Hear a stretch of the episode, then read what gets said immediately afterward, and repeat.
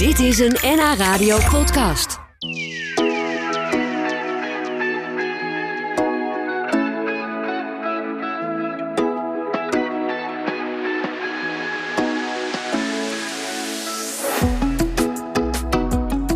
Het lijkt zo vanzelfsprekend dat je even de krant leest of een eh, mailtje tikt. Toch zijn er veel volwassenen die moeite hebben met lezen, schrijven of rekenen.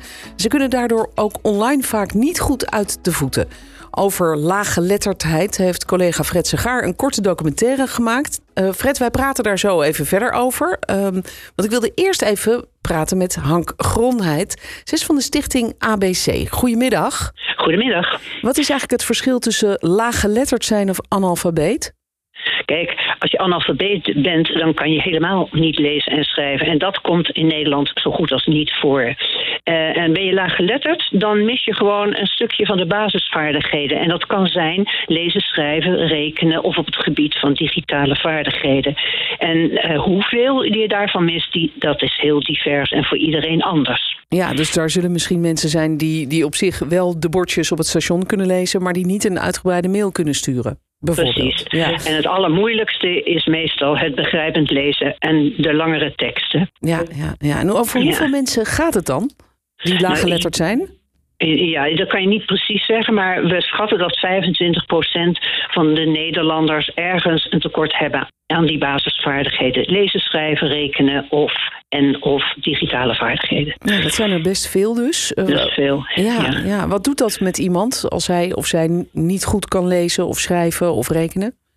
Nou ja, dan lopen ze tegen allerlei dingen aan hè, in het dagelijks leven. Uh, het ligt er een beetje aan in hoeverre ze er moeite mee hebben. Er zijn mensen die voelen zich buitengesloten omdat ze uh, het allemaal niet kunnen volgen. Maar er zijn ook mensen die uh, het wel redelijk kunnen volgen, maar die dan de geschreven zaken moeten overslaan en aan een ander hulp moeten vragen. En dan ben je afhankelijk.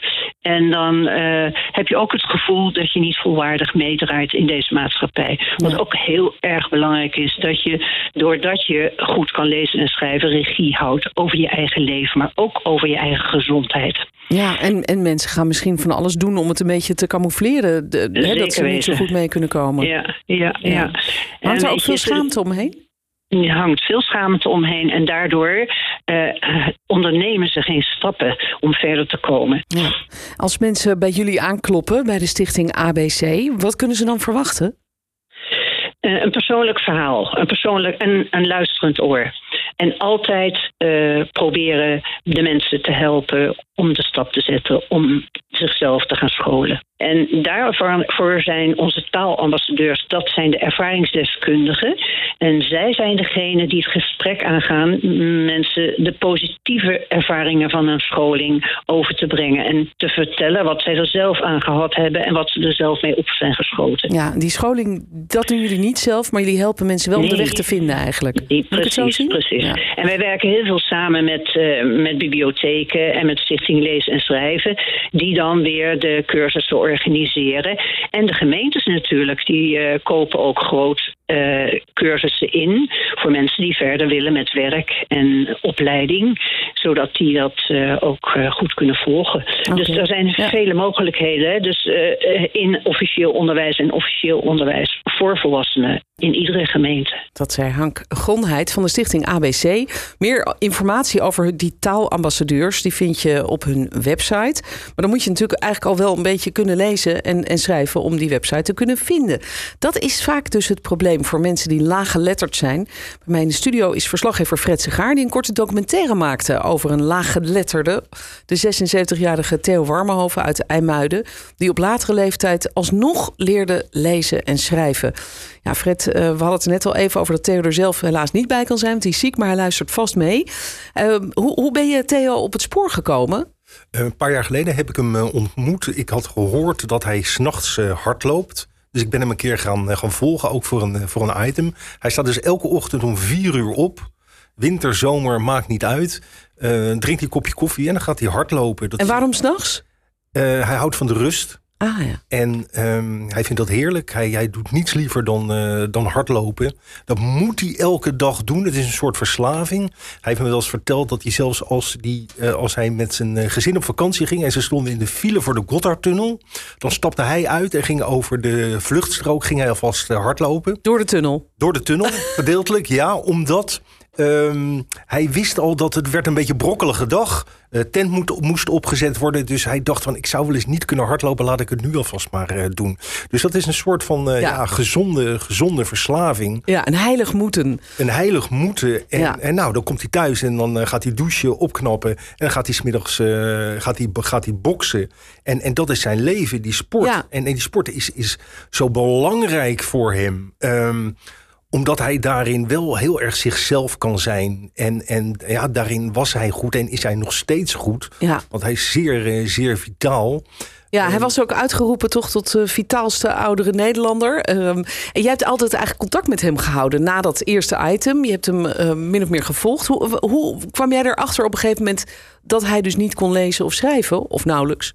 Ehm, ja, dat was toen eigenlijk. eh, ja, hij was een soort van vanuit de kast eh, gekomen. Want hij. ehm, eh, het is eigenlijk al- altijd eh, verborgen gebleven. Omdat zijn vrouw alles voor hem deed. Als er Ja. een brief gelezen of geschreven moest worden, dan, dan deed zijn vrouw dat. Dus zo, zo rommelde hij zich door het leven, om het maar even oneerbiedig eh, te zeggen. En Theo, die sportte, die fietste, die bokste en die liep, die liep hard. En, die had ook een baan, toch? en had een baan, ja, hij Ja. had gewoon 40 Ja. jaar in de betonbouw gewerkt. En prima kracht, heel hard gewerkt. Ehm, ja, alleen, eh, in, in, dat, dat- dat- hij deed niets liever dan sporten. Want daarin hoefde hij geen brieven te lezen Nee. of, of, te, of te hard, nadrukkelijk te praten of wat dan ook. Dus eh, ja, dat is echt nou nogmaals een gezonde, een gezonde verslaving. En Ja. het is prachtig om te zien. Zo dan loopt hij daar eh, langs de hoogovens. Elke nacht om vier uur. Ja. Ja, nu is hij helaas, hij heeft flinke griep. Maar eh, dat vindt hij ook heel erg. Ja, Ja, dat kan ik me voorstellen, ja. Maar, maar jij kwam er dus ook achter dat hij eh eh laaggeletterd was. Misschien doordat je niet met hem kon appen of zo. Dat, Ja, was dat dat was- het? Begon het daarmee? Ja, dat je dacht, hé, hey, hoe zit dat? Best wel lachen, want voor contact met Theo moet je altijd wel even, even uittrekken. Het is niet even een appje sturen. Hij heeft nu net een smartphone. En dan kan hij, omdat je als je een lettertje intikt, hè, dan maakt hij zelf woorden. Dus hij kan ook een beetje appen.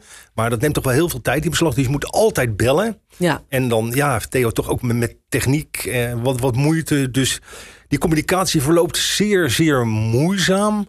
Ehm, maar ja, als je dat contact met hem hebt, dan, dan vindt hij dat geweldig. Want hij, hij geniet er wel van. En hij, en hij vond het ook leuk dat jij hem ging volgen Ja. voor een documentaire over zijn laaggeletterdheid. Ja, ja want, hij, hij vindt... sommige mensen schamen zich daarvoor, hè? hoorden we net ook in het gesprek met eh Hank Gonheid. Ja, Eh, hij, hij, hij heeft dat ook heel lang gehad. En heeft echt een, een, een eh, leven gehad waarin hij zich eh, moest, moest verschuilen.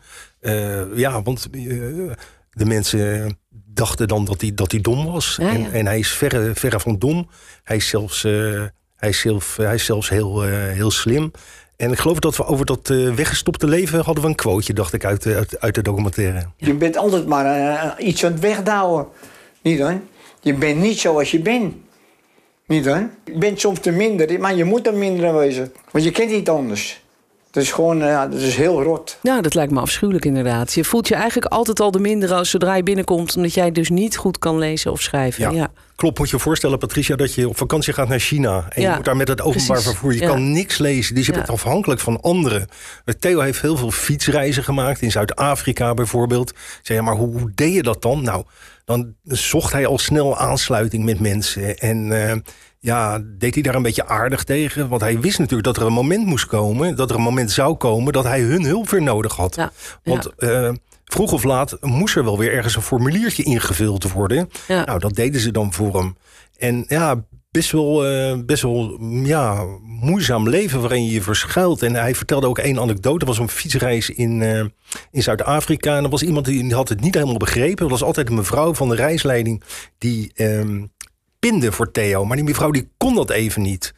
En iemand anders die mee was, die hoorde dat. En die zei van ja, wat doe je in Zuid-Afrika als je niet eens weet hoe je moet pinnen? Oh. En ja, dat heeft diepe Ach, indruk op hem eh, ja. gemaakt. Want toen werd hij zo geconfronteerd met zijn eh, tekortkomingen. Ja. En ehm, Was dat ook een moment dat hij besloot...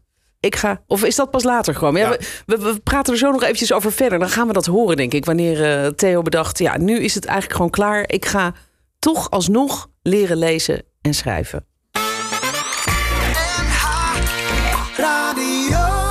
Maar heel kort even, Fred, hoe kwam het eigenlijk dat hij laaggeletterd was? Want hij zal toch verplicht ook de basisschool hebben gevolgd... en misschien nog een deel van de middelbare school? Ja, hij, hij is in de eerste klas blijven zitten, omdat hij inderdaad moeilijk eh, kon lezen en schrijven. Eh, maar hij kon andere vakken heel goed. Hij kon heel Ja. goed rekenen.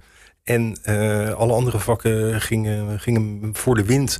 Dus hij is toch steeds overgegaan. Ah ja. Maar ja, Ja. nadat hij lagere school had gedaan, was het, eh, was het wel een beetje klaar. Toen is hij gaan varen en later de bouw ingegaan. Ja, dit is natuurlijk het verhaal van heel veel mensen... Hè, die dat op school gewoon net niet goed hebben meegekregen... en die daar de rest van hun leven eigenlijk last van hebben. We hadden het er net over, hij schaamde zich een beetje... hij moffelde het weg, hij, hij deed alsof het allemaal wel ging. Maar er wa- kwam een moment dat hij besloot... ik ga toch leren lezen en schrijven.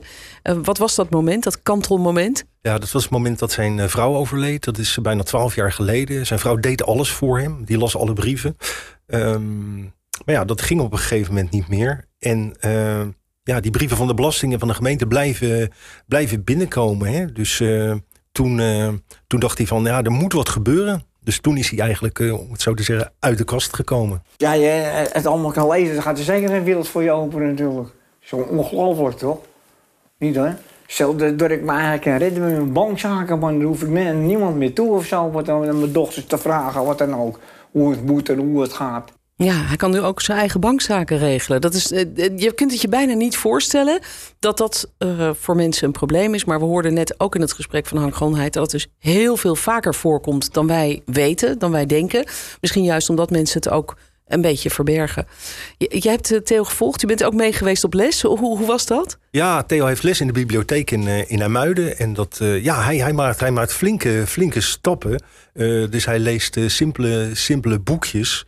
Ehm, en eh, ja, het, gaat, eh, het, gaat steeds beter. Hij zit nu op een niveau eh, lagere school, dus basisschool, vierde, vijfde klas. Dus hij kan woordjes lezen. Hele verbanden is nog lastig, maar hij heeft ook de krant. En die probeert hij ook te lezen. Niels over IJmuiden vindt hij leuk.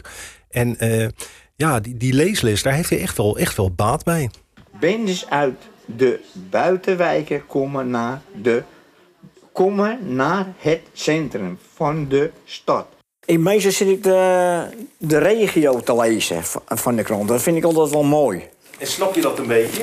Ja, omdat er wel veel over de muien, weet je wel. Meer, eh, meer stem voor een moeilijke... Nou, dit woord kan ik niet lezen.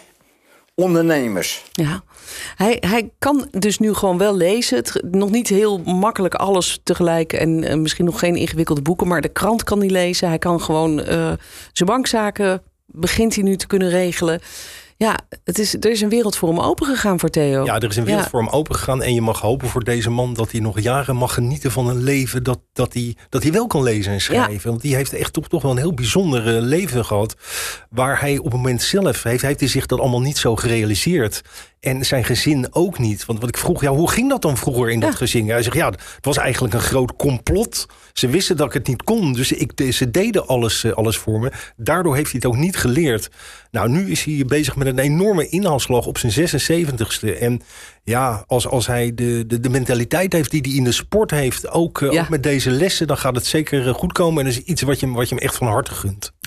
Dit was een NH Radio podcast. Voor meer, ga naar nhradio.nl. Radio.